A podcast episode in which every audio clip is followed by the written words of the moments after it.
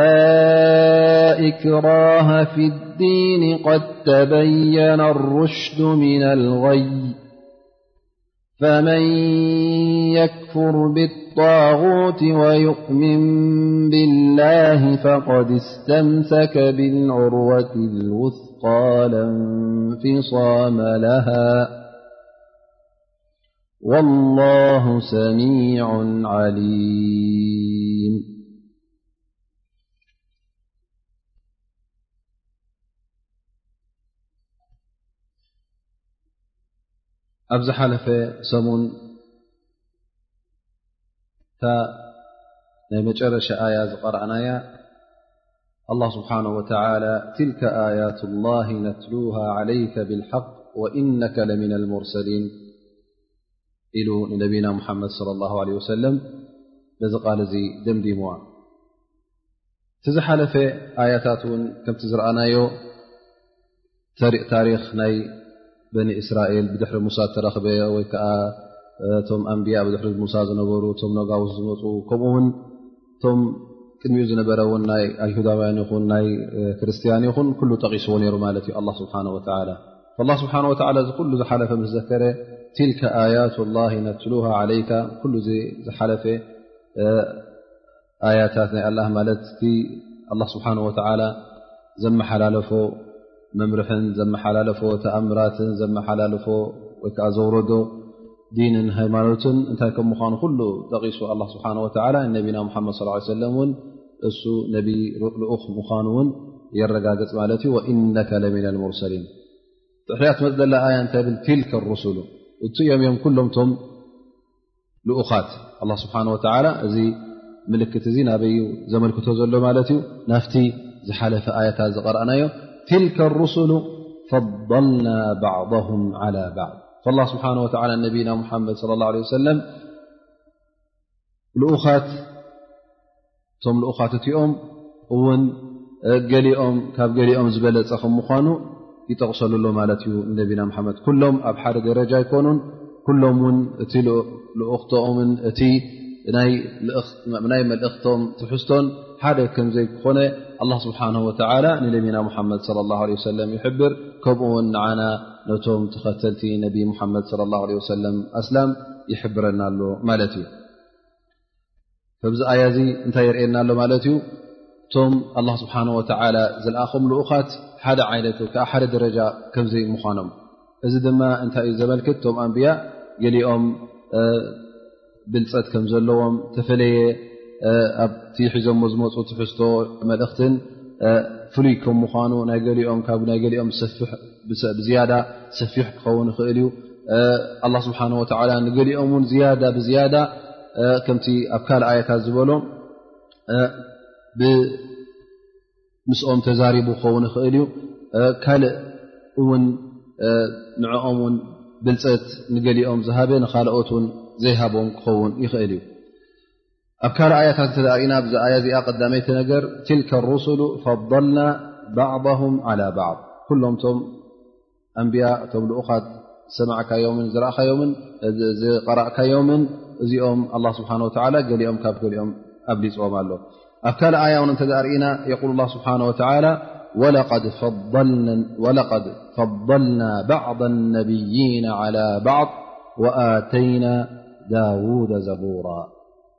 እዚ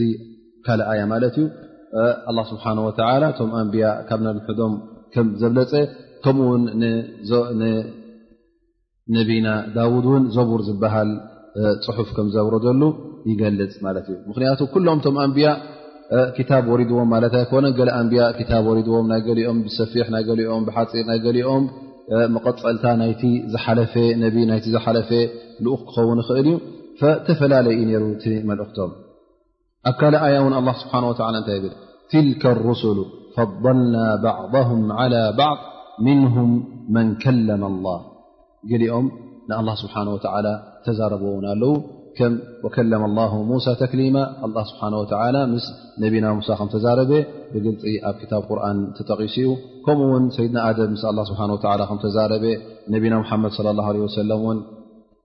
ምስ ኣላ ስብሓን ወተላ ከም ተዛረበ ብሓዲስ እውን ዝመፀን ተረጋገፀን እዩ ላ ስብሓን ወተላ ብዝያዳ እውን ኣብ ካልእ ኣያ ክንርኢ እተ ኮይና ወረፈዓ ባዕም ደረጃት ክብለና ከሎ ገሊኦም ደረጃኦም እውን ልኡል ዝኾነ እቲኦም ገሊኦም ድማ ትሑት ደረጃ ዘለዎም እዘን እቲ ቀንዲ እምነትና ኣላ ስብሓን ወተላ ብኣንቢያ ክንኣምን እተ ኮይና ኣላ ስብሓን ወተላ ልኡኻት ከም ዝለኣኸ እዞም ልኡኻት እውን ዝተፈላለየ ደረጃን ተፈላለየ ብልፀትን ከም ዘለዎም ክንኣምን ኣለና ማለት እዩ ኩሎም ሓደ ደረጃ ከምዘይ ምኳኖም ብቁርን ተረጋጊፁልና ማለት እዩ ስለዚ ኣላ ስብሓን ወተላ ንኦም ነነቶም ደረጃ ክቦም ከሎ እቲ ደረጃ ከምቲ ዝበልናዮ ወይ ምስ ኣላ ስብሓን ወተላ ተዛሪቡ በዚ ሓደ ዓይነት ደረጃ ረኪቡ ክኸውን ይኽእል እዩ ወይ እውን ከምቲ ዝበልናዮ ገሊኦም ኣንብያ ክታብ ወሪድዎም ከም ነቢና ሙሓመድ ለ ላ ሰለም ቁርን ሙሳ ተውራት ዒሳ እንጂል ሒዞም ክመርዱ ክመፁ ከለዉ ካልኦት ኣንቢያ ድማ ኣብኡ ከለዉ ናይቲ ዝሓለፈ ነቢ ናይቲ ዝሓለፈ ልኡኽ ፍሉይ ክታብ ዘይብሎም ኮይኖም ነቲ ዝሓለፈ ልኡኽ ንኡ ዘረጋግፁ ነይሮም ማለት እዩ ከምኡ ውን ኣብቲ ዲን እንተ ደኣ ርእናዮ ውን ኣብቲ ተኸተልቶም ኣብቲ ዝስዕብዎም ውን ተረኣናዮ ናይ ገሊኦም ዝበለፀ ኮይኑ ንረክብ ሰይድና ሙሳ ክንሪኦ እተ ኮይና ሰዓብቱ ብዙሓት እዮም ነሮም እቲ ክታቡ እቲ ናብኡ ዝወረደ ክታብ ውን ዓብ ክታብ እዩ ሩ ማለት እዩ ዓብ መፅሓፍ ማለት እዩ ግን ብዝያዳ ድማ ናይ ነቢና ሙሓመድ ክንርኢ እተ ኮይና ነቢና ሙሓመድ ስለ ላ ሰለም ካብ ኩሎም ብልፀትን ዝያዳ ደረጃን ከምዘለዎ ኮይኑ ንረኽቦ ማለት እዩ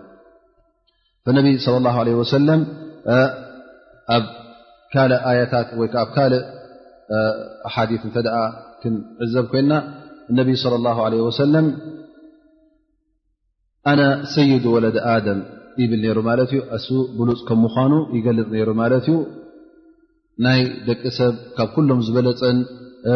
ዝለዓለን ከም ምኳኑ እሱ ከም ምኳኑ ነቢና ሙሓመድ ለ ላ ለ ወሰለም ገሊፁ ነይሩ ማለት እዩ ስለዚ ነቢና ሓመድ ስ ሰለም ናቲ ብልፀት ኣለዎ እቲ ዲኑ እተ ኮይና ሒዝዎ ዝመፀ ሃይማኖት ሒዝዎ ዝመፀ ዲን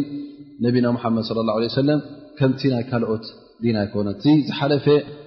ኣንቢያ ሒዞሞ ዝመፁ ነበሩ ኣብ ግዜኡ እንተ ኮይኑ ንውሱን ግዜ እዩ ነይሩ ማለት እዩ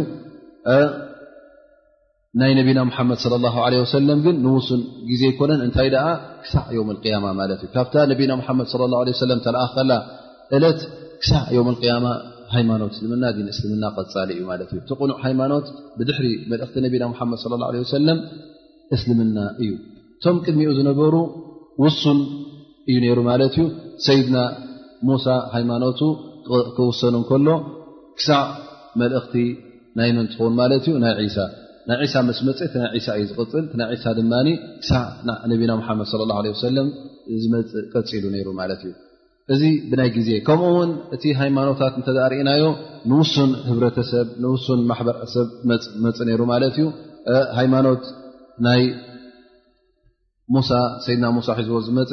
ንፍሉይ ንኣይሁዳውያን እዩ ነይሩ ማለት እዩ እቲ ሃይማኖት ክርስትና ክመፅእ ከሎውን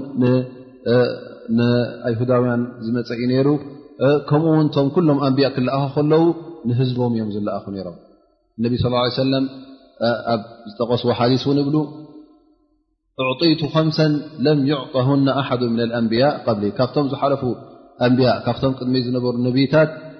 ኣነ ብዝያዳ ሓሙሽተ ነገራት ኣለዋ ንዓይ እተዋህባ ንዕኦም ዘይተዋህባን ንዓይ እተዋህባ ሓደ ካብአን ካብተን ዝጠቀስወን ነቢና ሓመድ ስ ሰለም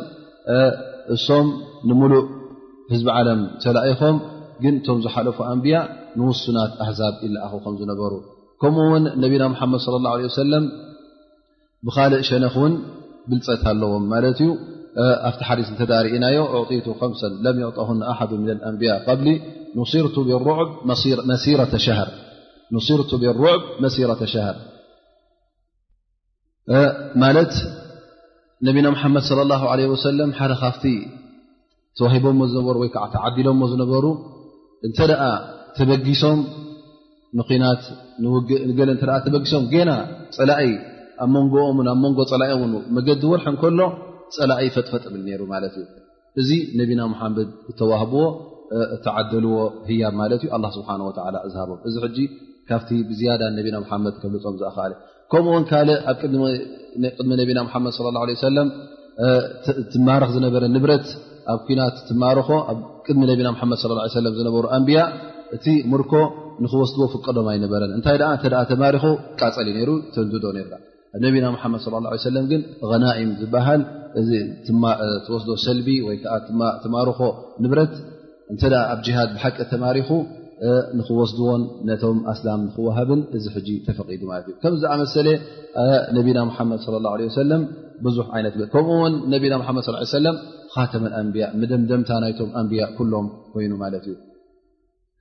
ብድሕሪኦም ዝመፅእ ነቢ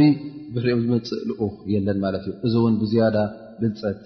ናይ ነቢና ሙሓመድ ለ ላ ለ ወሰለም ዘርኢ ማለት እዩ ፈነቢና ሙሓመድ ለ ላ ለ ሰለም ዓብ ብልፀት ከም ዘለዎም ብብዙሕ መንገድታት ብብዙሕ ኣሓዲት ንረኽቦ ማለት እዩ ግን ንኣብነት ካልእ ሓዲስ ዝመፀሎ እሞ ነቢ ሙሓመድ ለ ለ ሰለም ላ ትፈضሉኒ ዓላ ኣንብያ ኢሎም እንድዮም ወይ ከዓ ላ ትፈضሉኒ ዓላ ሙሳ ኢሎም ዝብል ምናልባሽ እዚ ሓዲስ እውን እንተ ደኣ መፅእካስ ከመይ ጌርካ ክተጋጥሞ ትኽእል ነቢና ሓመድ ስ ሰለም ብሉፅ ከም ምዃኑ ጠቒስና ኣለና ግን እሞ ነቢና ሓመድ ስ ሰለም እውን ኣብ ካልእ ሓዲ ላ ትፈضሉኒ ዓላ ኣንብያ ወይ ዓ ላ ትፈሉኒ ዓላ ሙሳ ዝበሎ ወይ ከዓ ላ ትፈضሉ በይና ኣንብያ ኣብ መንጎቶም ኣንብያ እውን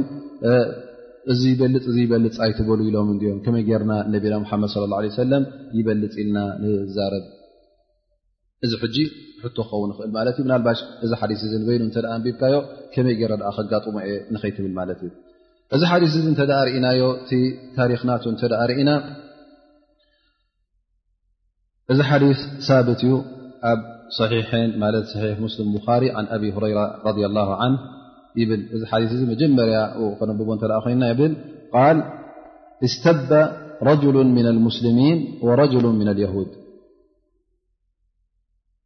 ማለት ኣብ መንጎ ሓደ ኣስላማይን ሓደ ካብቶም ኣይሁዳውያን ኣብ ግዜ ነቢና ሙሓመድ ለ ላ ለ ወሰለም ምስሕሓብ ምስ ተረኸበ እንታይ ይኸውን ኣሎ ማለት እዩ ክፃረፉን ክዘሰሓሓቡን ጀሚሮም ማለት እዩ ሕጂ መንጎ ዘረብኦም ኣብ መንጎ ምንጎተኦም ኣብ መንጎ ምስሕሓቦም እቲ ኣይሁዳዊ እንታይ ኢሉ ይምሕል ማለት እዩ ክምሕል ከሎ ላ ወለذ እስጠፋ ሙሳ ዓላ ዓለሚን ወለذ ስጠፋ ሙሳ ዓ ዓለሚን ማለት ምሒሉ ማለት እዩ በቲ ንሙሳ ካብ ኩሉ ዓለም ዝመረፀ ብኡ ይምሕል ማለት እዩ ሕጂ ንመን ይምሩፅ ገይርዎ ካብ ኩሉ ዓለም ንሰይድና ሙሳ ዓለ ሰላም ከምዚ ምስ በለ ሕጂ እቲ ኣስላማይ ሰሓቢ ድማ ተቆጢዑ ድማ ኣምፃእ ኣቢሉ ጭዋ ኣቢሉ ዝፀፍዐ ኣሎ ከምዚ ልካ ትዛረብ ኣሎ ገና ነቢ መሓመድ ለ ላ ለ ወሰለም እንከሎ ብዛዓዲ ከምዚ ልካ ትዛረብ ኢሉ ይምልሰሉ ማለት እዩ እንታይ ገብር እዚ ኣይሁዳዊ እዚ ትኽኢሉ ናብ ነቢና ሓመድ ለ ላ ለ ወሰለም ይኸይድ ማለት እዩ እንታ ክገብር እዩ ነቲ እስላማይ ክኸሶ ማለት እዩ ስለምንታይ ናብ ነቢና ሓመድ ስ ሰለ ይ መዓ ንሱ ብነቢና ሓመድ ስ ሰለ ኣይኣምንን እዩ ሕጂ እታ ፍትሒ ምስ ነቢና ሓመድ ለ ላ ለ ሰለም ከምዘላ ፈልጥ ኣሎ ማለት እዩ ብዝያዳ ነቢና ሓመድ ስ ሰለም ንሰይድና ሙሳ ከምዘኽብር እውን ይፈልጥ ማለት እዩ ንገዛእ ርእሱቲ ኣይሁዳዊ ካብቲ ዲን ድሒቑ ከሎ ብነቢና ሓመድ ص ሰለም ዘይኣምን ከሎ ኣብ ክንዲ ናብ ካልእ ዝኸይድ ናብ መን ኸይድ ማለት እዩ ናብ ነቢና ሓመድ ምክንያቱ ነቢና ሓመድ ሰለ ሓቁ እታ መሰሉን ክመልሰሉ ከምዝኽእል ስለ ዝፈልጥ ነቢና ሓመድ ሰለ እውን ፍትሐኛ ከም ምኳኑ ስለ ዝፈልጥ ናብ ነቢና ሓመድ ለ ከይዱ ነዚ እስላማይ ዚ ይኸሶ ማለት እዩ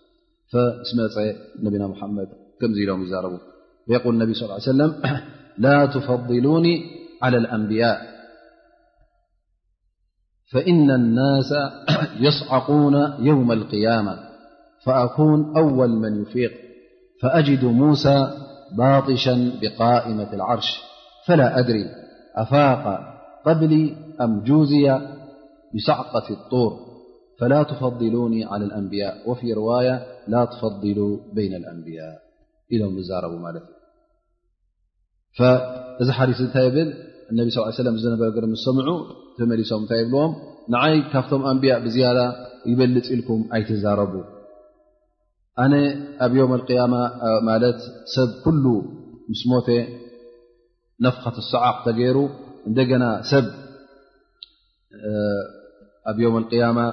ጅብሪል ነቲ ታቱላ ምስ ነፈሐ ሰብ ክትስእ እንከሎ ካብታ ሞት መጀመርያ ዝትስእ ኣነ እየ ይብሉ ነቢና ሓመድ ስ ሰለም ምስ ተሳእኩ ንመን ይረክብ ይብሉ ንሰይድና ሙሳ ኣብ ትሕቲ ዓርሺ ደው ኢሉ ይብሉ ማለት እዩ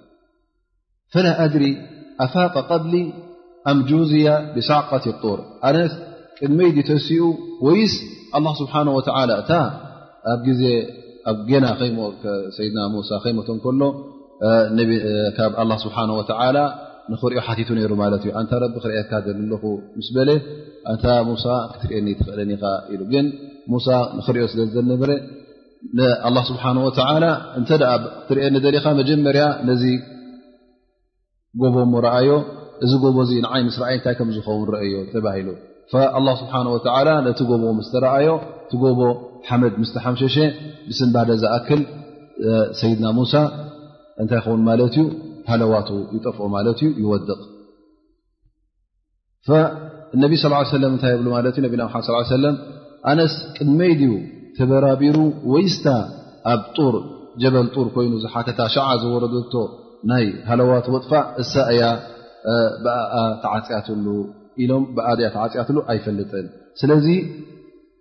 ነቶም ኣንብያ ፈላ ተፍضሉኒ ዓል ኣንብያ ካብቶም ኣንብያ እዚ በልፅ ዝበልፅ ኢልኩም ኣይትዛረቡ ኢሎም ነቢና ሙሓመድ ይዛረቡ ማለት እዩ ዑለማ እንታይ ይብሉ ሕጂ ነዚ ከመይ ጌርና ነጋጥሞ ይብሉ እንተ ደኣ እቲ ምብልላፅ እዚ ፍላን ነቢ ይበልፅ ካብዚ ነቢ ክትብል ከለኻ እንተ ደኣ እቲ ጉዳይ ናይ ምስሕሓብ ናይ ዓሰብያ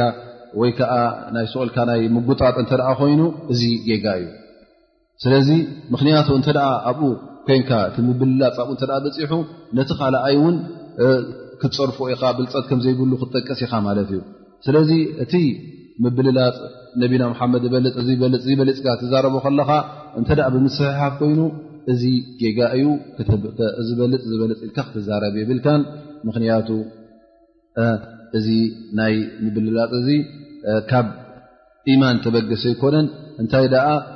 እዚ ናህና ነቢ ብማለት ብዝያዳ ንኡ ክትኩርየሉ ንኡ ክትዛረበሉን ካብ ሕርቃን ካብ ነድሪ ተላዕለይ ዳኣ እምበር ብሓቂ እሱ በልፅ ኮይኑ እበልፅ ኣይኮነ ኢልካ ትዛረብ ኣለኻ ማለት እዩ ስለዚ እዚ ናይ ሓሚያ ናይ ዓሰብያ እዩ ኢሎም ነቢና ሓመድ ሰለም እዮም ከልኪሎሞ ዳኣ እምበር እሶም ካብ ኩሎም ኣንብያ ብሉፃት ከም ምኳኖም ኣብ ብዙሕ ኣሓዲስ ጠቂሶሞ እዮም ኣና ሰይድ ወለደ ኣደም ወላ ፈክር እብሉ ነሮም እውን ኣነ ካብ ኩሎም ደቂ ኣዳም ዝበለፁኩ እየ ግን በዚ እውን ኣይዕበን እየ በዚ እውን ኣይሕበንን እየ ማለት ኣነ እዚ ክዛረብ ከለኹ ትዕቢት ተሰሚዑን ይኮነን ይብሉ ነይሮም ማለት እዩ ምክንያቱ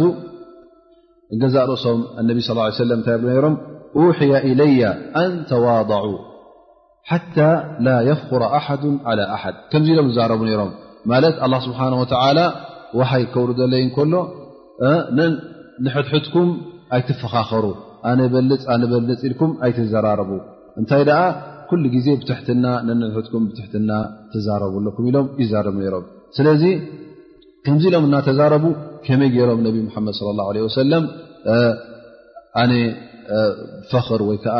ብትዕቢት ኣነ ካብ ኩሎም ደቂ ኣዳም ካብ ኩሎም ኣንብያ እበልፅ ክብሉ ስለዚ ነቢና ሓመድ ስ ሰለም ነዚ ነገር እዚ ክጠቕሱ ከለዉ እሶም ብልፀት ከም ዘለዎም ክጠቕሱ ከለዉ እዚ ጉዳይ እዚ ንሶም እንተዘይኮይኑ ካልእ ሰብ ክነግረና ስለ ዘይክእል ብሉፅ ከም ምዃኖም ጠቒሶምና ግን እዚ ብልፀቶም እዙ ምስ ካልኦት ንክንጓጠጠሉን ክንሰሓሓበሉን ኣይኮነን ይብሉ ከምኡ ውን ይብሉ ዕለማ ነዚ ሓዲስን ነቲ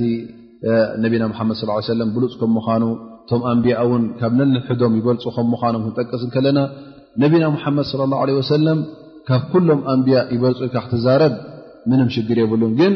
ካብ ፍላን ፍላን በልፅ እዚ ነቢ ፍላን ካብ ነቢ ፍላን ኢልካ ብብሓደ ክትኣርዮም ከለኻ ግን እዚ ኩልኩል ይብሉ ዑለማ ምኽንያቱ ንኣብነት እተ ይብሉ ዑለማ እተ ኣሕዋት ኣለዉ ኮይኖም ዓሰርተ ኣሕዋት ነቲ ሓደ ምፅ ኣቢልካ እዚ ፍላን ካብ ኣሕዋቱ ዝበለፀ ሱ እዩ እተ ኢልካ ብዙሕ ኣይሽግሮምን እዩ ግን እዚ ካብ ፍላን ሓዊ ይበልፅ እተ ልካ እተ ነቲ ካልኣይ ቆሪሕካዮ ብዝያዳ ሕጂ ንመን እዩ ዝስምዑ ኣለዋ ንመን ተትሕቶ ኣለኻ ማለት እዩ ነቲ ካልኣይ ግን ካብ ኩሎም እዞም ዓዲ ዝበለፅ ዚ ዓዲ ዝነፍዐ ፍላን እዩ እተ ኢልካ እቶም ካልኦት ድሓን እዮም ብዙሕ ኣይስምዖምን እዩ ምክንያቱ ካብ ኩሉ ዓዲ ስለዝኾነ ጥራይ ንዓንዓ ኣይኮነን ኢሉ ንኩላና ምንም ሽግር የብሉ ዝበለፀ ዚ ዓዲ ዝነፍዐ ውላድ ፍላን እዩ እተልካ ግን እንተ ካብ ፍላን ፍላን ይነፍዕ እተልካ ንክልቲኦም ረቑሕካዮም ግን እንታይ ይኸውን ማለት እዩ ሕጂ እቲ ዝርቋሕ ዘሎ እቲ ኣትሒትካ ትሪዮ ዘለካ ሕጂ ብዝያዳ ይስምዖ ማለት እዩ ስለዚ ከምዝኣመሰለ ክህሉ የብሉን ይብሉ ስለዚ ንሓደ ነቢ ብስሙ ቁራሕ ኣቢልካ ካብዚ ነ እዚ ነ ፍላ በልፅ ካብዚ ነ እዚ ፍላ ሓይሽ ኢልካ በስማቶም በብሓደ ክትቆርሕ ይብልካ ግን ብሓፈሽኡ ነቢና ሓመድ ስ ሰለም ካብ ኩሎም ኣንብያ ኣ ስብሓ ወላ ዘብለፁ ልካ ክትዛረብ እዚ እዩ እቲ ሸሪዓዊ መገዲ ይብሉ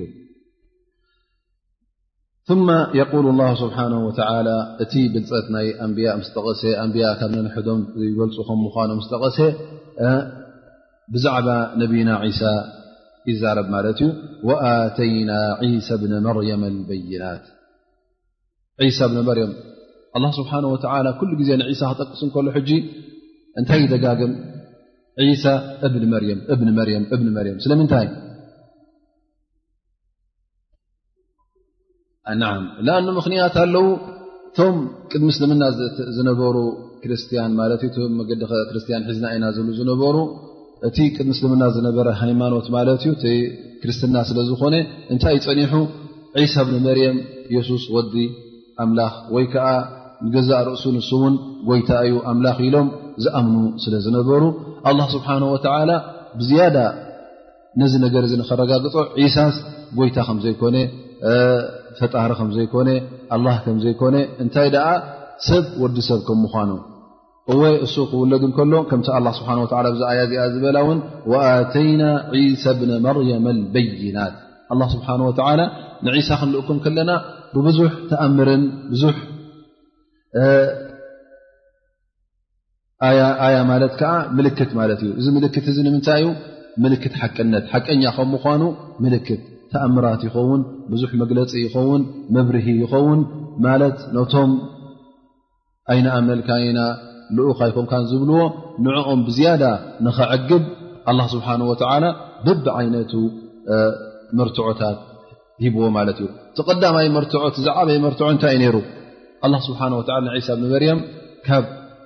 ኣደ ጥራይ ከም ዝውለድ ገይርዎ ማለት እዩ ብዘይ ኣቦ ማለት እዩ እዚ ሕጂ እቲ ቀዳማይ ተኣምር ስለ ዝኾነ ቀዳማይ መርትዖ ዝሰብ እዙ ክውለዱ ከሎ ብተኣምር ተወሊዱ እዚ ተኣምር እ ድማ ሱቅ ኢልካ ኣይኮነን እንታይ ደኣ ዝሓዘሎ ጉዳይ ኣሎ ማለት እዩ ላ ስብሓን ወተላ እዚ ጥራይ ኣይኮነን እውን ሂብዎ ንሰይድና ዒሳ ብኒ መርያም ብዝያዳ እውን ብድሕሪኡ እውን ምስ ዓበየ ብንእሽጡ ከሎ ተዛሪቡ ልኡኽ ክኸውን ከም ምኳኑ ተዛሪቡ ገና ህፃን ከሎ ዕሸል ከሎ ኣብ ኣዲኡ ከሎ ተዛሪቡ ማለት እዩ ብድሕሪኡ እውን ኣላ ስብሓን ወተላ ሕሙማት ክሕዊ ብእዝኒ ብፍቓድ ኣላ ስብሓን ወተዓላ ደሪዙ ንሕሙማት ክሕውን ንድውያት ከም ዝኸዱ ገይሩ ንዕውራት እውን ከም ዝነቕሑ ገይሩ ንፀማማት ከም ዘስምዕ ንለጓማት እውን ከም ዝዛረቡ ኣላ ስብሓ ወይ ከምኡ ውን ንምዉት እውን ከም ዘሕይ ኣላ ስብሓን ወተዓላ ብፍቓዱ ክእለት ሂብዎ ነይሩ ሰይድና ዒሳ እዚ ኩሉ ተኣምር ኣቂዶም ነይሩ ልኡኽ ከም ምዃኖም ግን እዚ ኩሉ እውን ነቶም ኣይሁዳውያን እውን ኣይዕገበን ስለዚ ክቐትልዎ እውን ፈቲኖም ነይሮም ማለት እዩ እዚ ኩሉ ልኡኽ ሒዙሎም እዚ ኩሉ ተኣምራት እናረኣዩ ከለዉ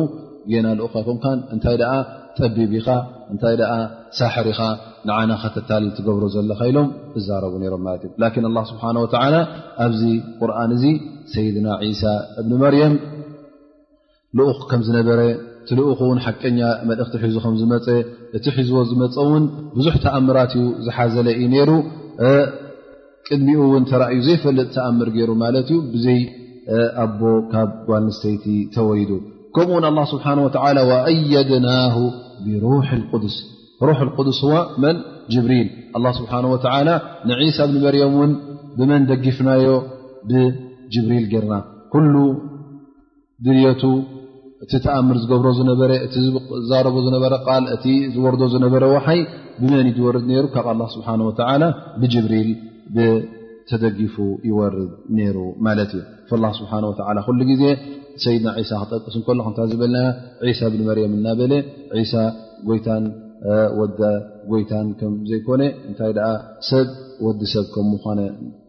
ንኸረጋግፅ ኣላ ስብሓን ወላ ዒሳ ብኒ መርያም ኢሉ ይደጋግመልና ማለት እዩ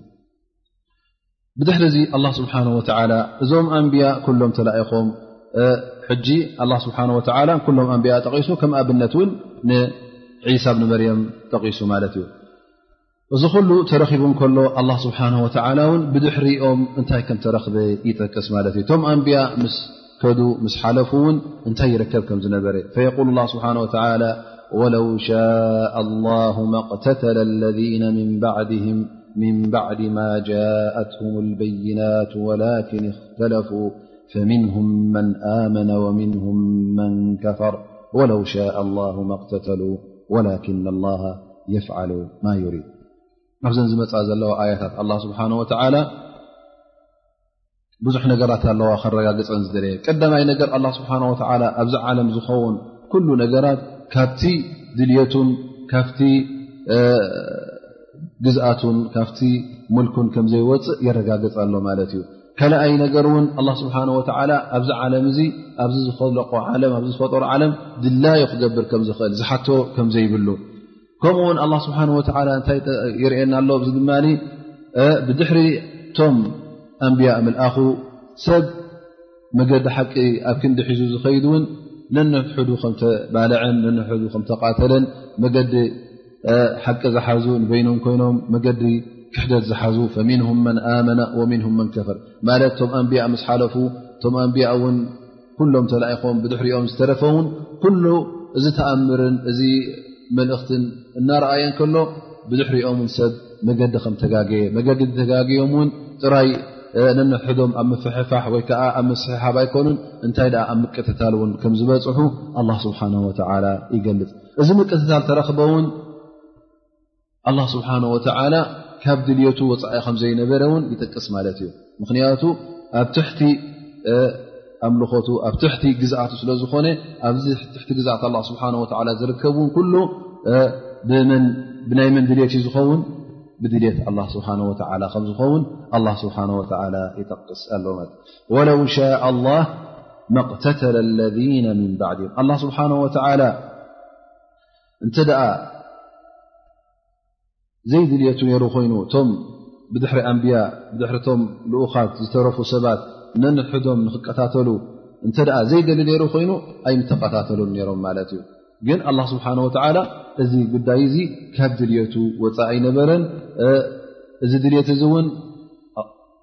ኣብቲ ብዛዕባ ናይ ዓቂዳ ክንዛረብ ከለና ክልተ መሽ ኣሎ ወይ ከዓ ኣላ ስብሓን ወተላ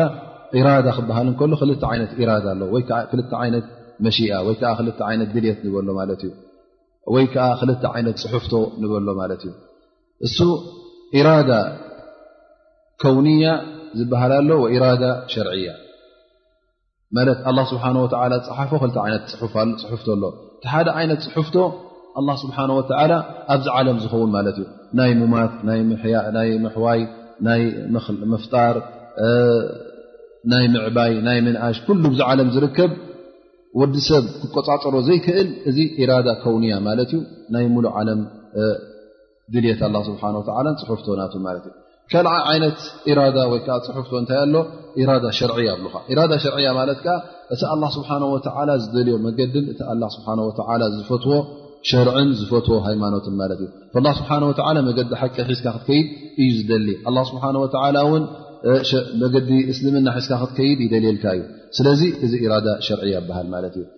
ስለዚ ኣላ ስብሓን ወተዓላ ክልቲኡ ኣጠቓሊሉ እዩ ዝኸይድ እቲ መገዲ ሓቂ ሒዝካ ንክትከይድ መገዲ ብርሃን ሒዝካ ንክትከይድ መገዲ እስልምና ቀጢልካ ንክትከይድ እዚ ኣላ ስብሓን ወተዓላ ንክትገብሮን ይደልዮ እዩ ማለት እዩ ግን ኣብ ርእሲኡ እውን እንታይ ገዲፉልካ ዩ ንዓኻ ምርጫ ኣለካ ማለት እዩ ኣነ እዚ ሳይደልኒ ልካ እተ መገዲ ክሕደት መሪፅካ እውን መሪፅካ መገዲ ክሕደት መገዲ ክሕደት መሪፅካ ክትከይድ ከም ተኽእል እውን ኣላ ስብሓን ወላ ይሕብረካ ኣሎ ማለት እዩ ግን ወላ እውን መገዲ ክሕደት ሕረ ዳኣ እምበር ካብ ፍቓድ ኣላ ወፅእካ ማለት ኣይኮነን ማለት ካብቲ ግዝኣት ኣላ ወፅእካ ማለት ኣይኮነን ከምኡ ውን እዚ ምርጫኻ ዚ እውን ኣላ ስብሓን ወላ ይፈልጦ ይነበረን ሕጂ ስኻ ምስ ገበርካ እዩ ዝፈልጦ ዘሎ ክትብል ኣይትኽእልን ኢኻ ግን ኣላ ስብሓን ወላ ኩሉ እቲ ምንቅስቃሳትካ ጌና እንታይ ክትገብር ከም ምዃንካ ወላ ውን ነቲ ዘይገበርካዮ ከመይ ክትገብሮ ነርካ ከም ትኸውን እውን ኣላ ስብሓን ወተዓላ ይፈልጦ እዩ ስለዚ እንታይ ኢና ብዝያዳ ክነረጋግፅ ንዘለለና ኣብዚ ኩሉ ኣብ ዓለም ዝርከብ ካብ ውናነ ኣላ ስብሓን ወተዓላ ከምዘይወፅእ ኣላ ስብሓን ወተዓላ ዝደልዮ ጥራይ እዩ ዝኸውን ዝኾነ ይኹን እስኻ ውን ካብቲ ናይ ኣላ ስብሓን ወተዓላ ድልት ክወፅእ እኽእል እየ እንተደኣ ትብል ኮንካ ዘበትን ሓሶቶን ከም ምኳኑ ነዚና ንረጋገፅ ዘለና ማለት እዩ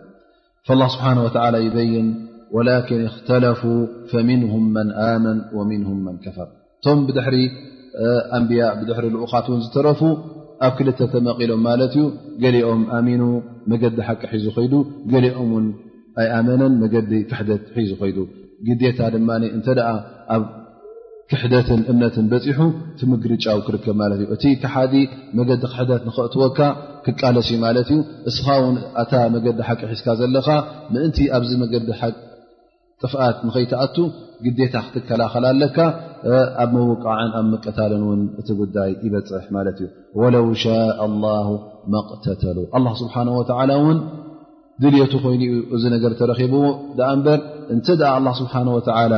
ዘይደሊ ነይሩ ኮይኑ ውን እቲ ምቅታልን እቲ ምውጋእን ውን ምተረፊ ነይሩ ግን ኩሉ ካብ ድልት ኣላ ስብሓን ወተላ ዝወፀ ኣይኮነን ኣብ ትሕቲ ቁፅፅርን ኣብ ትሕቲ ድልት ኣላ ስብሓን ወተላ እዩ ማለት እዩ ዝጉዳይ እዚ ተረኪቡ ላ ስብሓ ፊ ንሃየት ኣያ ክታ መጨረሻ ኣያ ው እንታይ ይብል ወላኪን ላ የፍዓሉ ማ ዩሪድ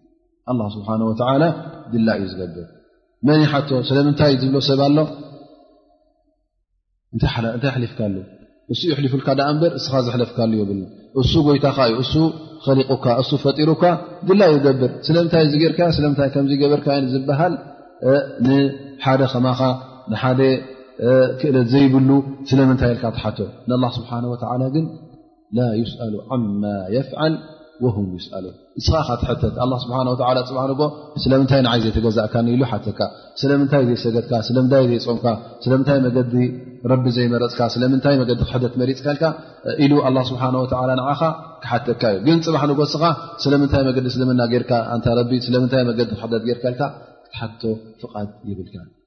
ምክንያቱ እስኻ እንታይ ኣብ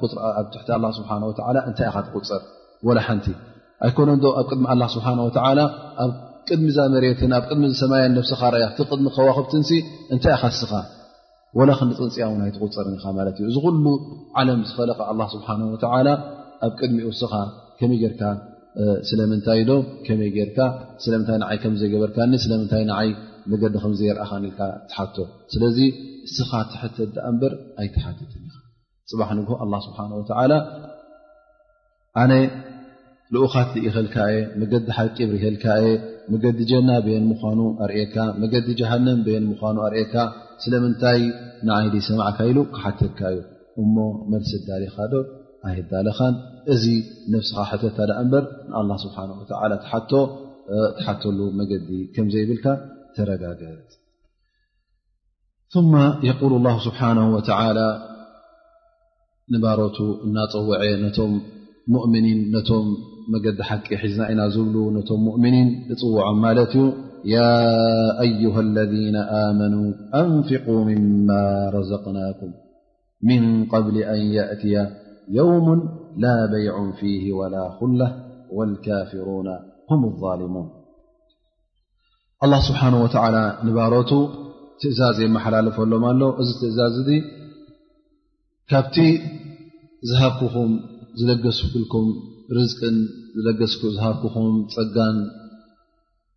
ካብኡ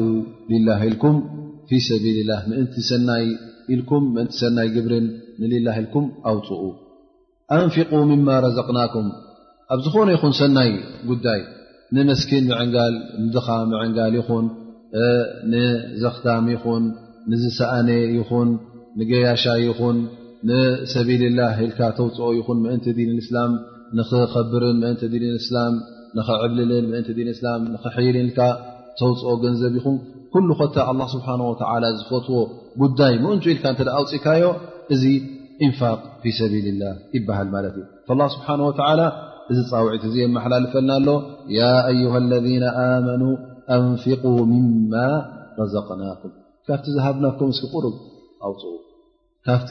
ዝሃብናኩም ሽሻይ ካብቲ ዘለገስናልኩም እስኪ ቁሩብ ሃቡ ኢሉ ኣላ ስብሓን ወተዓላ መልእኽቲ የመሓላልፈልና ትእዛዙ እንታይ የዘኻኽረና ኣሎ እንታይ ድማ ምማ ረዘቕናኩም ባዕልኹም ዘምፃእኩም ኣይኮነ ካብቲ ዝሃብናኩም ኢና ሃቡ ንብለኩም ዘለና ላ ስብሓን ወተዓላ እሻራ በካ ኣሎ ማለት እዩ ትብ ጅባኻ ዘሎ ገንዘብ ኣብ ባንኪ ቐሚጥካ ዘሎ ገንዘብ ንሕና ኢና ሂብናካ ዘለና እሞኒ ንዓስኪ ካብኡ ቁሩብ ኣውፅእ ላ ስብሓን ወላ ፈተነ ዩ ኣእትዩካ ዘሎ ማለት እዩ ልክዕ ከምዚ ቆልዓ እንካልካ ገንዘብ ትቦ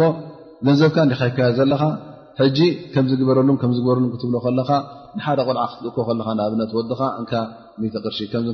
ገዚእካ መፃእ ትብሎ እሞ ሕጂ ሱ እስኻ ዝበለካዮ ካል ነገር ሱ ካልእ ገዚኡ ተመፀ እንታይ ትብገብሮ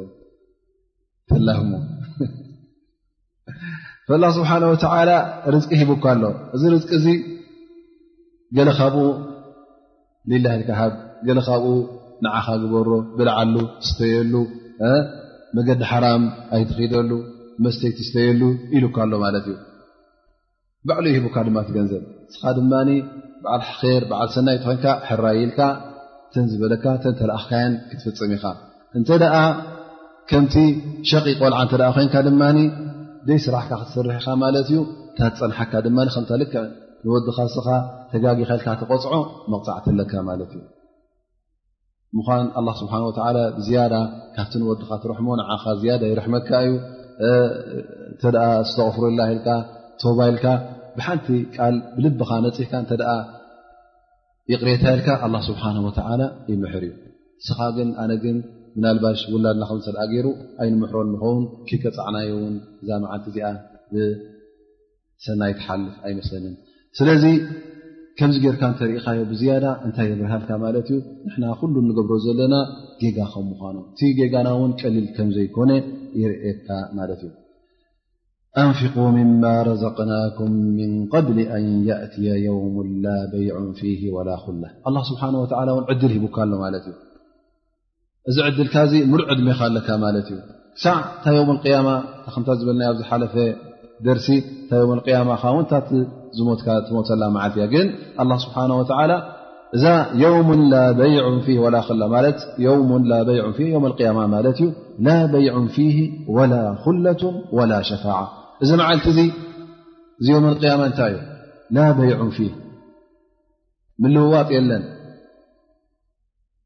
ማለት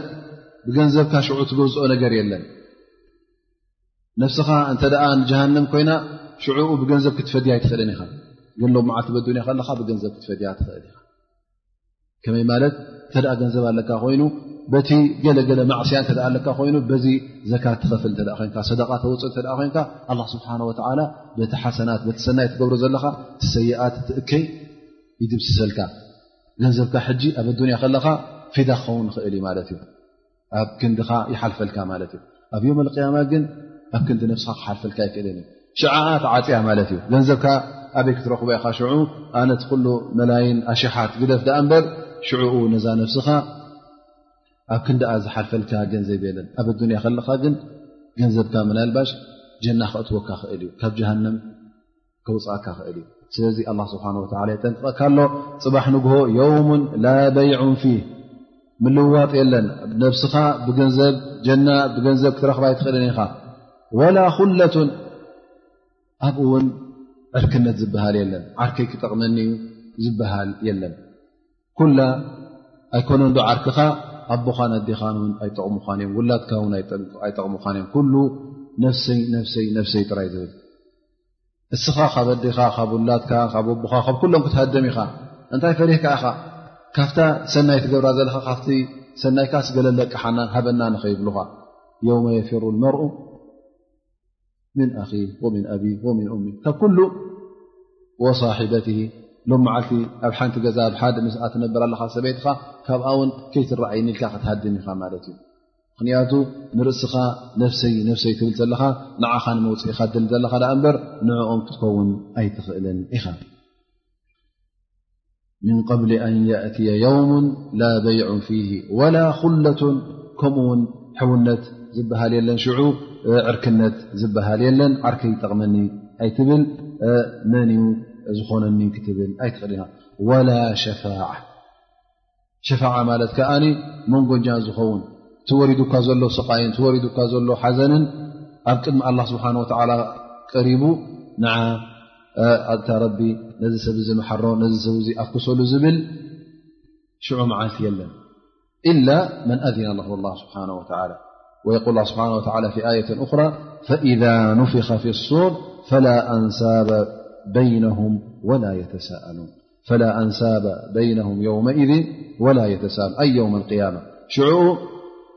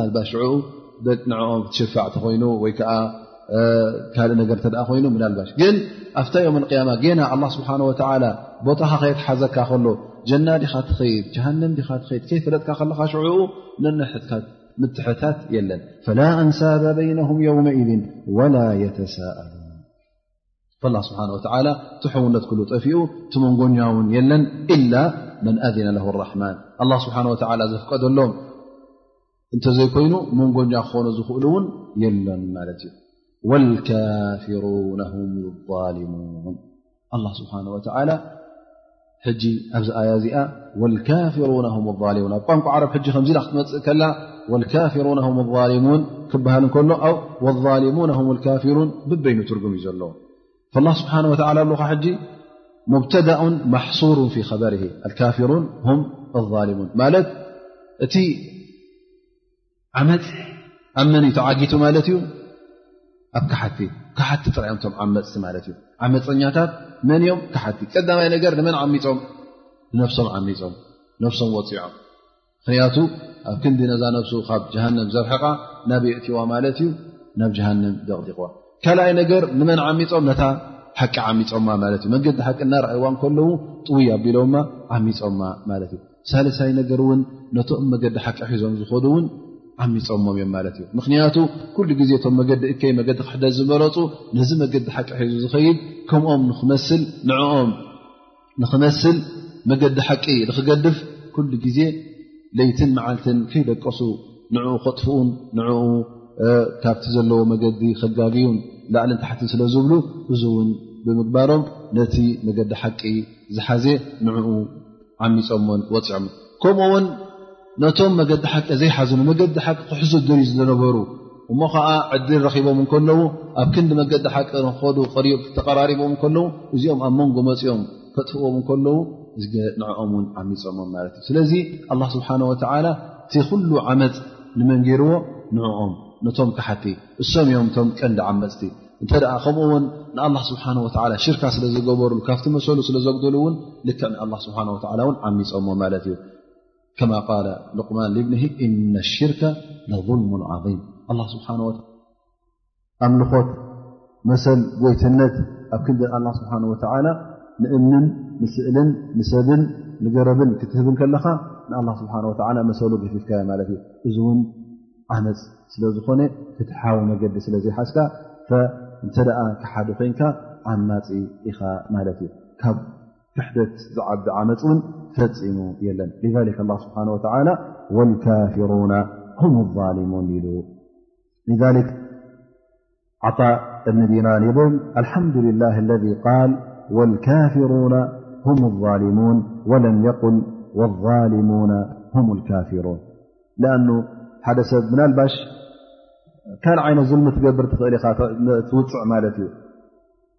ስለዚ ዝኾነ ወፅዓ ክሕደት ኣይኮነን ዝቁፅር ማለት እተ ንሓደ ሓዉካ ንሓደ ኣስላማይ ይኹን ወላ ንካልእ ኣብ ገንዘብ ዓሚፅካዮ ወይ ከዓ ብፀርፊ ይኹን ብካልእ ጉዳይ እተ ዓሚፅካዮ ካሓዲ ትቁፅርን ኢኻ ግን እቲ ኩሉ ዓመፅ ዝኾነ ይኹን ተ ካሓዲ ኮይንካ ግን ኩሉ ዓመፅ ኢኻ ትገብር ማለት እዩ እንተ ሓደ ክልተ ንኣሽቶ ዓመፅ ኣለውካ ግን ግዴታ ክሓዲ ማለት ኣይኮንካ ዓጣ እብኒ ዲናር ይብል ኣልሓምዱላ ል ወልካፍሩን ም ظሊሙን ወለም የቁል ظሊሙና ም ልካፍሩን ኣ ዘይጋገ ሰብ የለን ስለዚ ብጌጋና ቆፃፅርና ኮይኑ ስብሓ እንታይ ምኾና ነርና ማለት እዩ ክሓቲ ምኾና ና ላኪን ኣላ ስብሓን ወተላ ትንኣሽቱ ጌጋታት ንገብሮ ትንኣሽቱ ዓመፅ ንገብሮ ኣላ ስብሓን ወተላ ከም ዓመፅ ጥራይ ገይርዎ ብኡ ዝጨረሶ ኣልሓምዱልላ ኢሉ ዓፃ እዛረብ ማለት እዩ ድሕሪ እዚ ናበይ ንኣቱ ናብ ኣየት ኩርሲ ኣየት ኩርሲ እዚኣ መብዛሕትና ውን ንቐርኣ ንፈልጣ ንኸውን ጌና ንእሽተይ ከለኻ ገዛ ውን ሰምዓኻ ዘይፈልጣ ወላ ውን ቢሓፍዝካዮ ከለኻ ኣየት ኩርሲ ወይ ውን ቆልዑት ብኣ ተጀምሮም ን ይሓፍዙ ማለት እዩ ካብቲ ቀንዲ መሕፈዚኣ ዝኸኣለ ውን እንታይ እዩ እቲ ወዲ ሰብ እዛ ነፍሱ ዛርሑ ፈትዋ ስለ ዝኾነ እንተ እዚኣ ትሓፍዘካ እያ እዚኣ ካብ ገለ ተብለካ እያ ምስ ተባህለ ሕጂ ካብዚ ተበጊሱ ይሓፍዛ ማለት እዩ ማለት ኣብ ድንገት ከይወድቕ ገለ ሽግር ከይጓንፎ ከምዝኣመሰለ ስለ ዝስምዖ ይሓፍዝ ማለት እዩ ኣየት ኩርሲ ንገዛእ ርእሳ ነቢና ሓመድ صለ ላ ለ ወሰለም ብልፅቲ ኣያ ከም ምኳና ጠቒሶም እዮም እዛ ኣያ እዚኣ ውን ኣብ ብዙሕ እዋናት ክትንበብ ክትቅራእ ከም ዘለዋ ንግሆ ኣብቲ ኣዝካር ሰባሕ ናይ ንግሆ ኣዝካር ትብሎ ትብላ ኣብቲ ናይ ኣጋምሸት ዝበሃል ኣዝካር ውን ትበሃል ድሕሪ ሰለዋት ክሰግድ ከለኻ ውን ኣስካር ክትገብር ከለኻ ትብላ ክድቅስ ከለኻ ውን ትቐርኣ ብዙሕ ቦታታት ኣለዋ ማለት እዩ ላ ስብሓን ወተላ ነዛ ኣያ እዚኣ ብልፅቲ ገይርዋ ማለት እዩ የል ረዋ ልእማም ኣሕመድ ን እበይ ብን ከዓብ ቃል ነቢ ለ ላ ለ ሰለም እታይ ኢ ነቢ ስ ሰለም እንታይ ኢሎም ሓቲቶም ሓደ ግዜ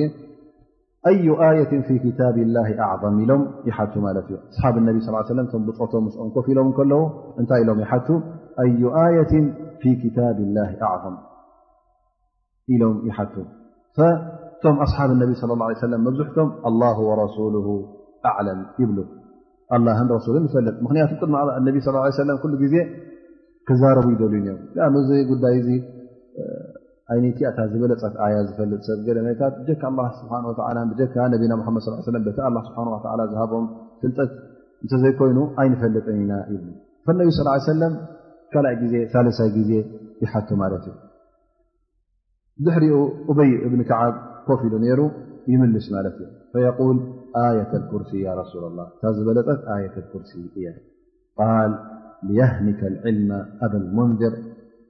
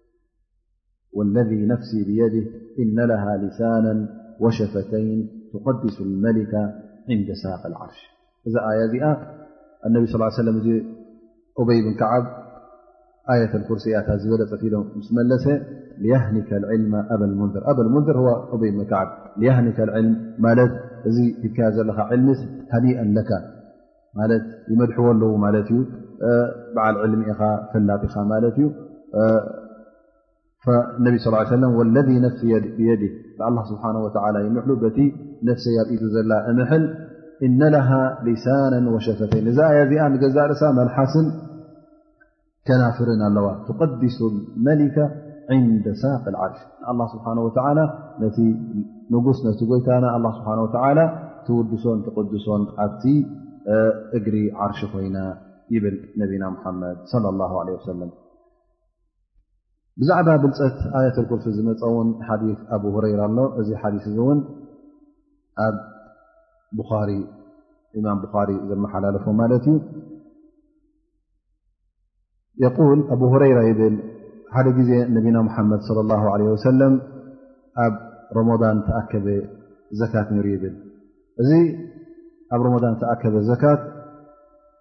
ነቢና ሙሓመድ ለ ላ ለ ወሰለም ንኽሕልዎ ኣዚዞምን እዩ ሕራይ ኢለ እሕልዎ ነይረ ይብሎ ክሕልዎ ከለኹ ፍርቂ ለይቲ ሓደ ይመፅእ ማለት እዩ መፅኡ ሕዲ ካብቲ ተኣኪቡ ዝነበረ ዘካት ካብቲ ብልዒ ሓፍስ እወስድ ማለት እዩ ስረኣኽዎ መፀ ቀባቢለ ይሕዞ እንታይ ክትገብር ስለምንታይ መፅእካ ስለምንታይ ብዘይ ፍቓድ ነቢና ሙሓመድ ስ ሰለም ትወስድ ኢሉ ይዛረቡ ማለት እዩ ስለዚ ፅባሕ ንግሆ ዚ ሕጂ ከዓ ስርካ ሒዘካ ኣለኹ ናብ ነቢና ሙሓመድ ለ ላ ለ ሰለም ክወስደካ እየ ይብልዎ ማለት እዩ እዚ ዝሰርቕ ዝነበረ ሕጂ እንታይ ይብል ዳዕኒ ፈእኒ ሙሕታጅ ዓለያ ዕያል ኣነስ ድኻ እየ ሽግረኛ እየ ቆልዑት ኣለዉኒ ንኣሽቱ ኣለዉኒ ስለዚ መሓረኒ ኣነ ብሓጃ ብሽግር የ ገይረዮ በረይ ክሰርቕ ኣይመፃእኩን ስለዚ እስኪ ርሓመኒ ኢሉ ይዛረቦ ማለት እዩ ከምዚ ኢ ሰበሎ ኣርሒምዎ ማለት ይገድፎ ማለት እዩ ንግሆ ነቢና ሓመድ صለ ه ሰለም ንኣብ ሁረራ ይሓትዎ ተእሲርካ ዝነበርካ ትማ እንታይ ገይሩ ቁልቱ ያ ረሱላ ላ ሸካ ሓጀተ ሸዲዳ ወዕያላ ፈረሒምቱ ወላ ኢልዎ ሽግር ኣለኒ ስለ ዝበለኒ ዳሕራይ ቆልዑት ኣለዉኒ እሞ ከምዚ ኢሉ ስለ ተዛረበንስ ኣርሒሙኒ እሞ ፈንዮዮ ስለዚ ኣይምለስን ዩ ከማን ኢሉኒ ላስ ነቢ ስለ ላ ሰለ እንታይ ብልዎ ከዘበክ ወሰየዑድ እዚ ሓሳዊ ሓስብካ እበር ክምለሰካ እዩ ተፀበዩ ኣቡ ሁረይራ ነቢ ስ ሰለም ከምዘይሕሱ ፈልጥ እዩ ክመፀካ ዩ ካበለኒ ኢሉ ኣነ ክፅበዮ ሓዲሩ ማለት እዩ ለይቲ ምስ ኮነ ዝመፆ ማለት እዩ ነፍሰ ጠሪቃ ከምታቲ ማለት ዝገበራ ካብቲ ብልዒ ክወስድ ዝመፅ ማለት እዩ ከምታ ዝሓዘ ድማ ቀብ ኣቢሉ ይሕዞ ታቲ ማለት ዝበላ በዓል ሽግር እየ ከምዚ እየ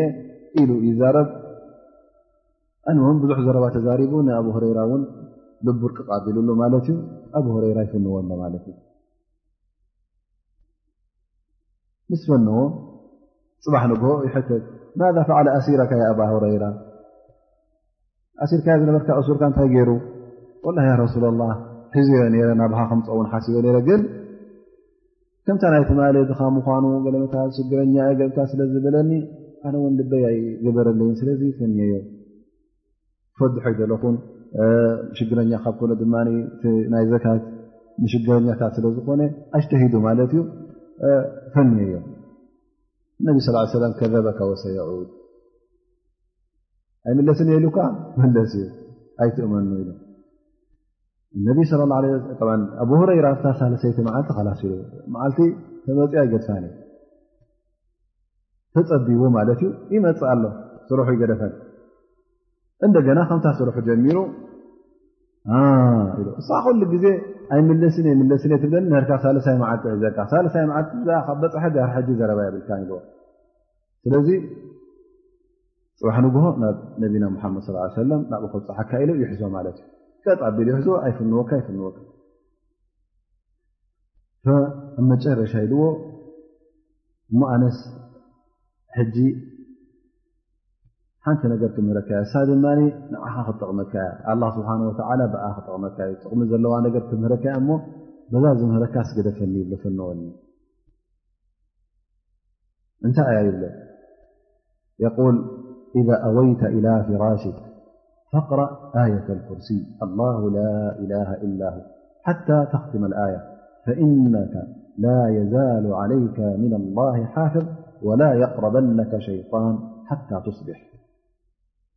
ይብሎ ስምምዕ ተገይሩ ማለት እዩ ኣነ ንዓኻ ጠቕመካ ትኾነካ ናብ ቅድሚ ኣላን ኣብዛ ኣዱንያ ንኣራ ጠቕመካ ሓንቲ ነገር ወይ ሓንቲ ቃል ክምህረካ እየ ዝምሃራ ቃላት ኣለዋ እሞ ትፍንወኒ እንታይ እያ ይብሎ እንተ ደኣ ኣብ ፍርናሽካ ኣብ ዓራትካ ደይብካ ኣላ ላላ ኢላ ሓይ ቀዩም ቅራ ንዓ እንተ ቐሪእካ ኣላ ስብሓን ወላ ክሳዕ ዝወግሕ ክሓፍዘካ እዩ ከምኡ ውን ሸይጣን ፈፂሙ ኣይቀርበካን እዩ ክሳዕ ወጋሕታ ይብሎ ማለት እዩ እዚኣ ዓባይ ትምህርቲ ኢሉ እንታይ ኣለዎ እዚኣ ካብ መሃረኒ ኸላሲ ሉ ይፍንዎ ማለት እዩ ኣኑ ዓብ ነገር ዩ ህጂ ኣብ መሓላሊፍሉ ዘሎ ማለት እዩ እዚኣ ትምህርቲ እያ ዕልሚ እያ ፍልጠት እያ ማለት እዩ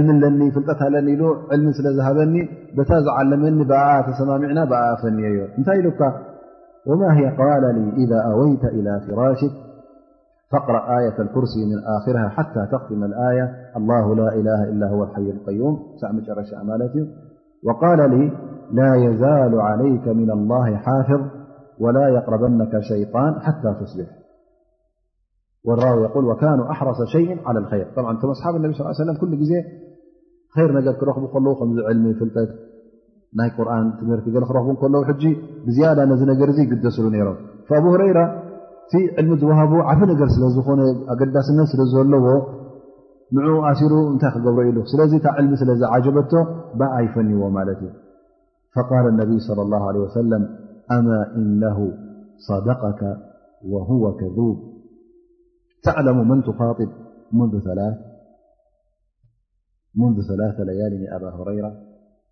ቁልቱ ላ ነቢ ስለ ላه ለ ሰለም ይብሎ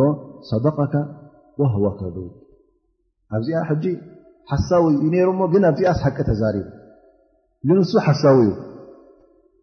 ሓሳዊ እንከሎ ግን ኣብዚኣ ሓቂ ተዛሪቡ ከይሉ ነዛ ጉዳይ እዚኣ ነቢ ስ ሰለም ሓቂ ምዃና ይኣምኑላ ማለት እዩ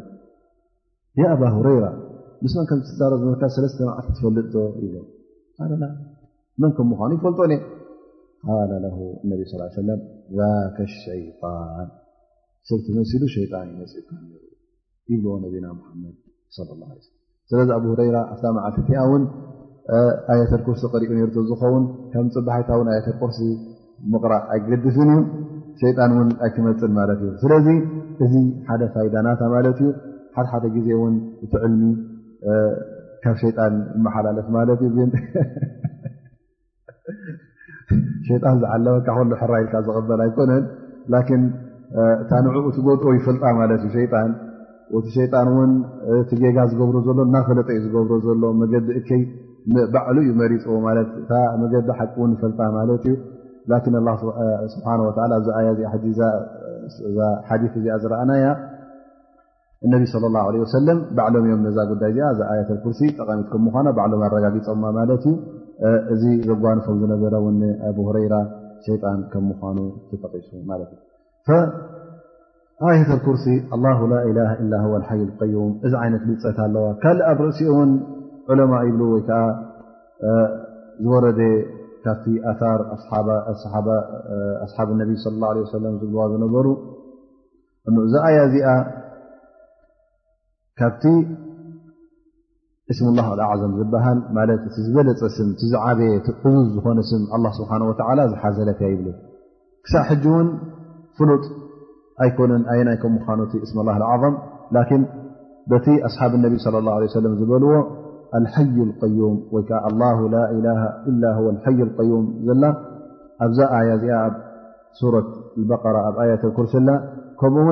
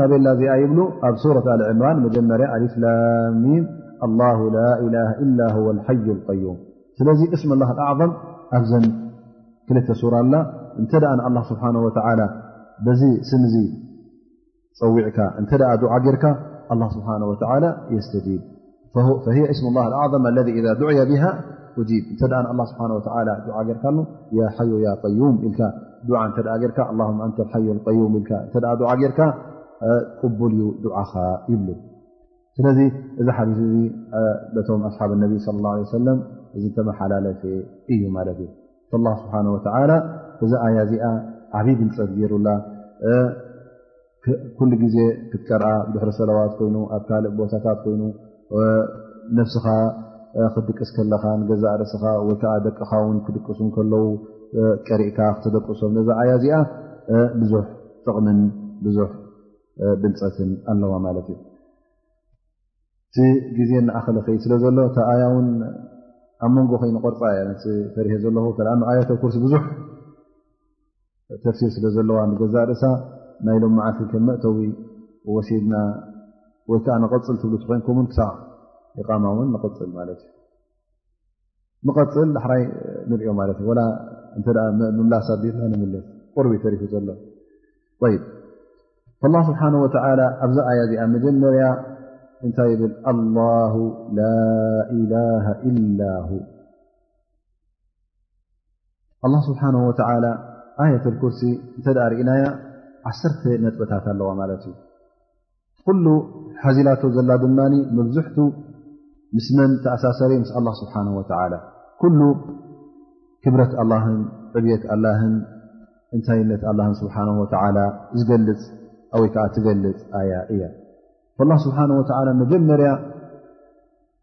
ኣላህ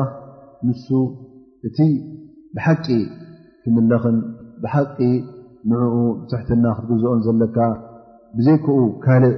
ጎይታ ዘየሎ ከም ምዃኑ የረጋግፅ ማለት እዩ እሱ እውን መን እዩ ኣላ ስብሓን ወተላ እሱ እዩ ሓደ ክንሰግደሉን ክንእዘዞን ዝኣዘዘና ኣብ ግብሪ ከነውዕልን ዝኸልከለና ክንክልከልን ኩሉ ውዳሰን ኩሉ ስገናን ኩሉ ትሕትናን ንመን እዩ ንኣላ ስብሓን ወተላ እንተ ደኣ እሱ ጥራይ ኮይኑ እቲ ኣምልኾት ክወሃብ ዝግብ ኣላ ላላ ኢላ ዋ ኣብዚ ዓለም ፈፂሙ ብዘይክኡ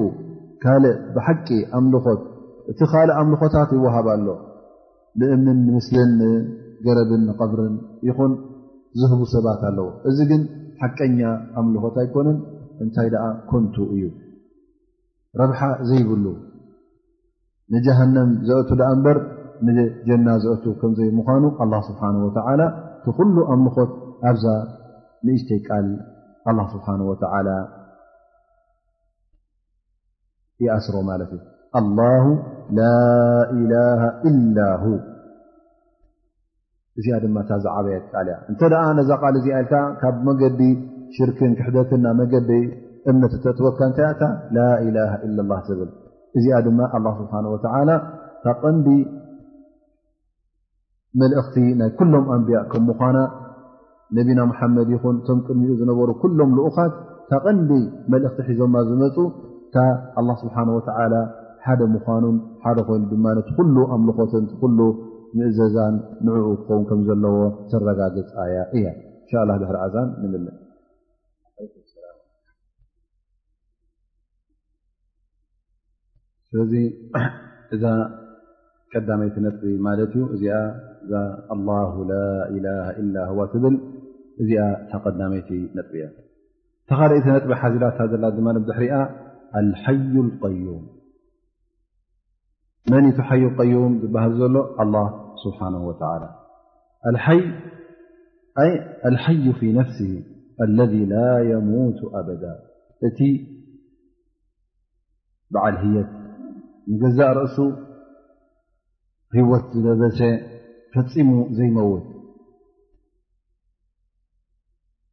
እሱ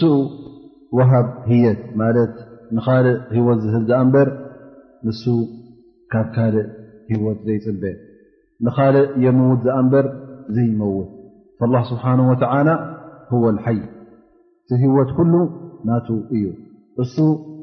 ንፍጡራቱ ህይወት የልብስ ህይወት እውን ይምንዘዕ ንዕኡ ግን ዝህቦ የለን እንታይ ደኣ ባዕሉ በዓል ህየት እዩ ላ ስብሓን ወተላ ወ ሓይ ኣልቀዩም ቀዩም ማለት ከዓ ኣላ ስብሓን ወተላ ንዕኡ ዝኣልዮን ንዕኡ ዝርእዮን ኣይደልን እዩ ነብሱ ንባዕላ ባዕላ ንባዕላ ዝቆመት እያ ግን ፍጡራቱ ኩሎም ካብኡ ዝፅበዮም ኣላ ስብሓን ወተዓላ እሱ እዩ ዘንቀሳቅሶም ንዑ እውን ኩሉ ግዜ ካብኡ እዮም ዝደልዩ ንሱ ካብኦም ዝደልዮ ነገር የብሉን ከላ ስብሓን ወተዓላ ኣላይኦም እዩ ንሱ ግን ካብ ፍጡራቱ ካብ ዝኾነ ይኹን ፍጡር ዝኣልዮ የለን ስለዚ ኣላ ስብሓን ወተላ ባዕሉ ብነፍሱ ዝቆመ እዩ ስኻ ግን ኣንታ ፍጡር ብመን ኢኻ ትቀውም ማለት እዩ ብኣላ ስብሓን ወተላ ኣላ እዩ ዘቁመካ ንዓኻ ኩሉ ግዜ ካብ ኣላ ስብሓን ወተላ ትደሊ ግን ኣላ ስብሓን ወተላ ካባኻ ዝደልዮ ነገር የለን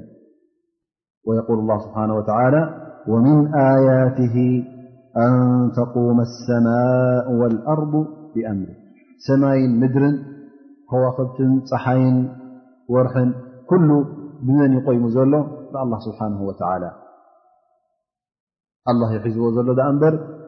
ንሱ ንባዕሉ ብነፍሱ ክቀውም ኣይክእልን እዩ ወዲ ሰብ ባዕሉ ብነፍሱ ክቀውም ኣይክእል ሰማይን ምድርን ባዕላ ብነፍሳ ክትቀውም ኣይትኽእል ብመን ዳኣ ትቀውም ማለት እዩ ብኣላ ስብሓናሁ ወተዓላ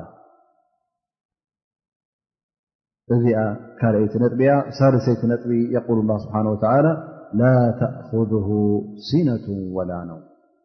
እንተ ደኣ ሙሉእ ዓለም ከቁም ኮይኑ እሞ ከዓ እንታይ እዩ ዘድልዮን ክኣልዮን ነዚ ዓለም እዚ ንሙሉኡ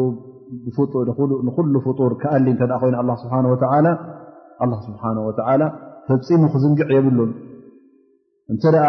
ዝድቅስን ወይ ከዓ ትኽስ ዝብል እተ ኮይኑ ክዝንግዕ እዩ ማለት እዩ ዓለም ውን ክጠፍ እዩ እተ ኣ ስብሓ ንሙሉእ ዓለም ተቆፃፀሮ ንሙሉ ዓለም ኮይኑ ዝቆፃፀሮን ዝሕዞን ስብሓ ካብቲ ልኡልነቱን ካብቲ እኩልነት ኣምልኾቱ ፈፂሙ ድቃስ ዝበሃል ወይ ውን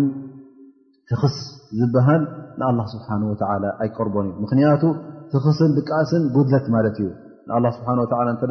ብትኽስን ድቅስን ትኽስብልን ይድቅስን ኢልካ እተ ክትገልፆ ኮንካ ኣላ ስብሓን ወተላ ጉዱሎ ይትብሉ ኣለኻ ማለት እዩ ምክንያቱ ዝድቅስ ሰብ ወይከዓ ዝድቅስ ዝድቅስን ትኽስ ዝብልን ኩሉ ግዜ ኣይኮነንዶ ንካልእ ክቆፃፀር ቁፅእ ነብሱ ክቆፃፀር ኣይክእልን እዩ ፈላ ስብሓን ወላ እተ ትኽስ ዝብል ኮይኑ እተ ዝድቅስ ኮይኑ ንነብሱ ክቆፃፀር ዘይክእል ማለት እዩ እንተ ነብሱ ዘይተቆፃፀረ እውን ነዚ ዓለም እዚ ከመይ ገይሩ ዓ ክቆፃፀር እዩ ስለዚ ኣላ ስብሓን ወተላ ፈፂሙ ትኽስ ኣይብል ፈፂሙ እውን ኣይድቅስን እዩ ምክንያቱ እዚ ዓለም እዚ ዝሕልዎን ዝኣልዮን ዝርኦን መን እዩ ኣላ ስብሓን ወላ ፈፂሙ ካብ ኣላ ስብሓን ወላ ዝሕባእ የለን ካብ ኣላ ስብሓን ወላ እውን ዝረሕቕ የለን ኩሉ ኣብ ትሕቲ ቁፅፅርዎ እዩ ኣብ ትሕቲ ኢዱ እዩ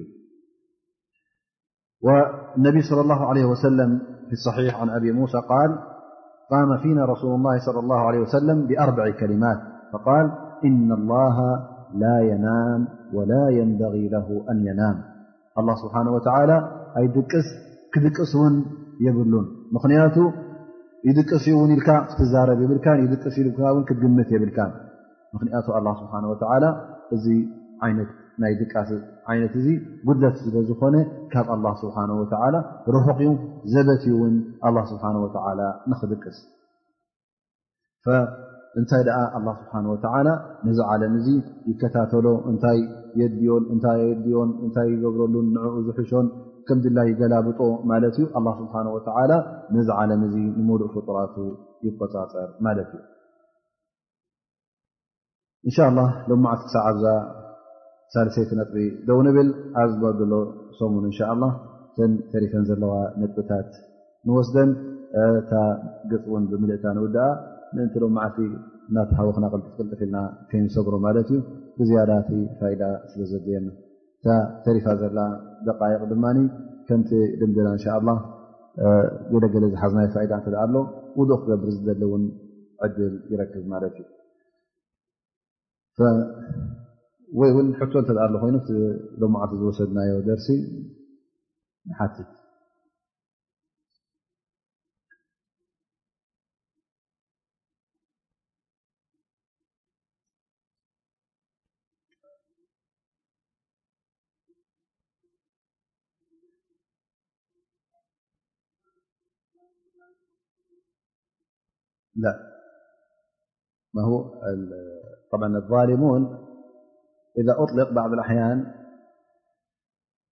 ظلم دون ظلم وكفر دون كفر كل يقسم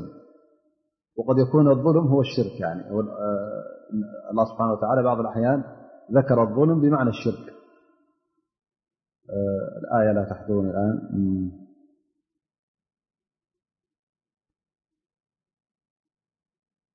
لأنسأل النبي صلى لله عليه وسلم ومن كذا بظلم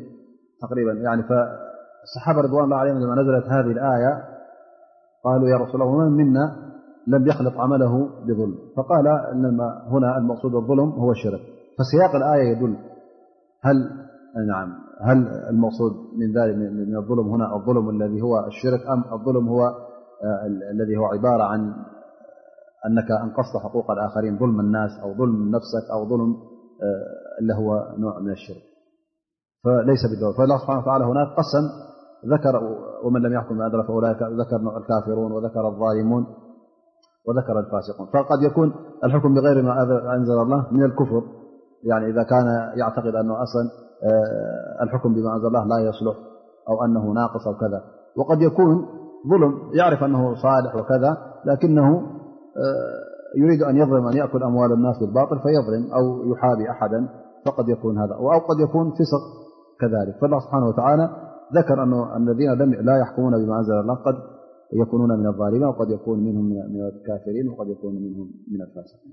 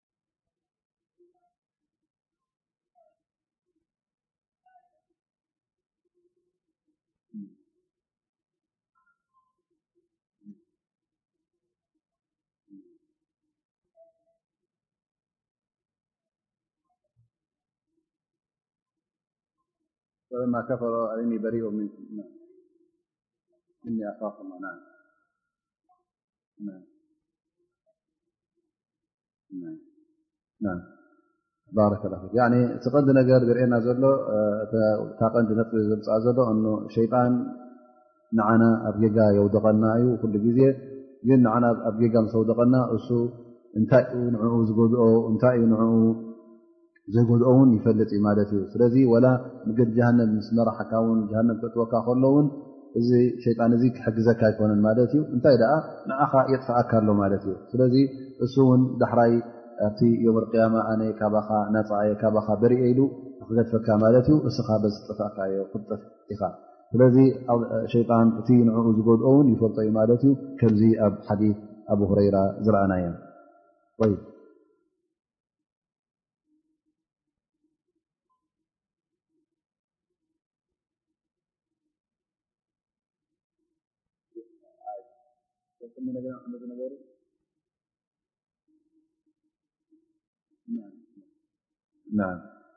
ሎ መዓልቲ ካብ ዝወሰድናዮ ፋይዳ እውን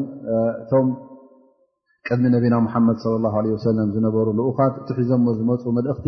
ውሱን ከም ዝነበረ በሪሁልና ኣሎ ማለት ውሱን ብግዜን ብሕብረተሰብን ውሱን ከም ዝነበረ ማለት ካብቲ ዘለኣለም ክሳዕ ዮም ቅያማ ኣይኮነን እቲ መልእኽቶም ማለት እቲ ሒዘሞ ዝመፁ ዲን ሒዘሞ ዝመፁ መልእኽትን ሃይማኖትን ክሳዕ ዮም ያማ ቀፃሊ ይኮነን ነይሩ ከምኡ ውን ንውሱናት ህብረተሰብ እዩ ነይሩ ንምሉእ ህብረተሰብ ዓለም ከምዘይ ምኳኑ ሎም መዓልቲ ወሲድና ኣለና ማለት እዩ ይዋን ካልእ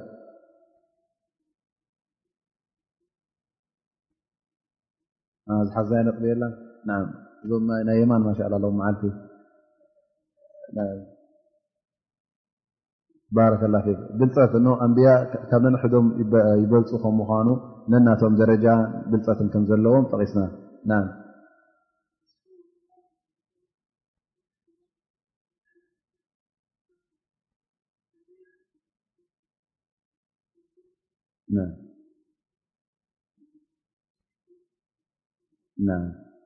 ወዲ ሰብ ውን ኣላ ስብሓን ወተላ ክልተ ናይ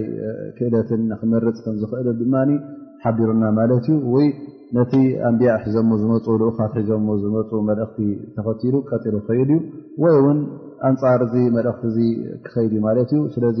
ካብዝን ካብትን ሓዲኦም ሒዙ ክጠፍእ ማለት እዩ ኩሉ እውን ካብ ኢራዳ ናይ ኣላ ስብሓን ወተላ ካብቲ ድሌት ኣላ ካብቲ ምልኪ ኣላ ስብሓን ወተላ ከምዘይወፀ እውን ክንፈልጥ ኣለና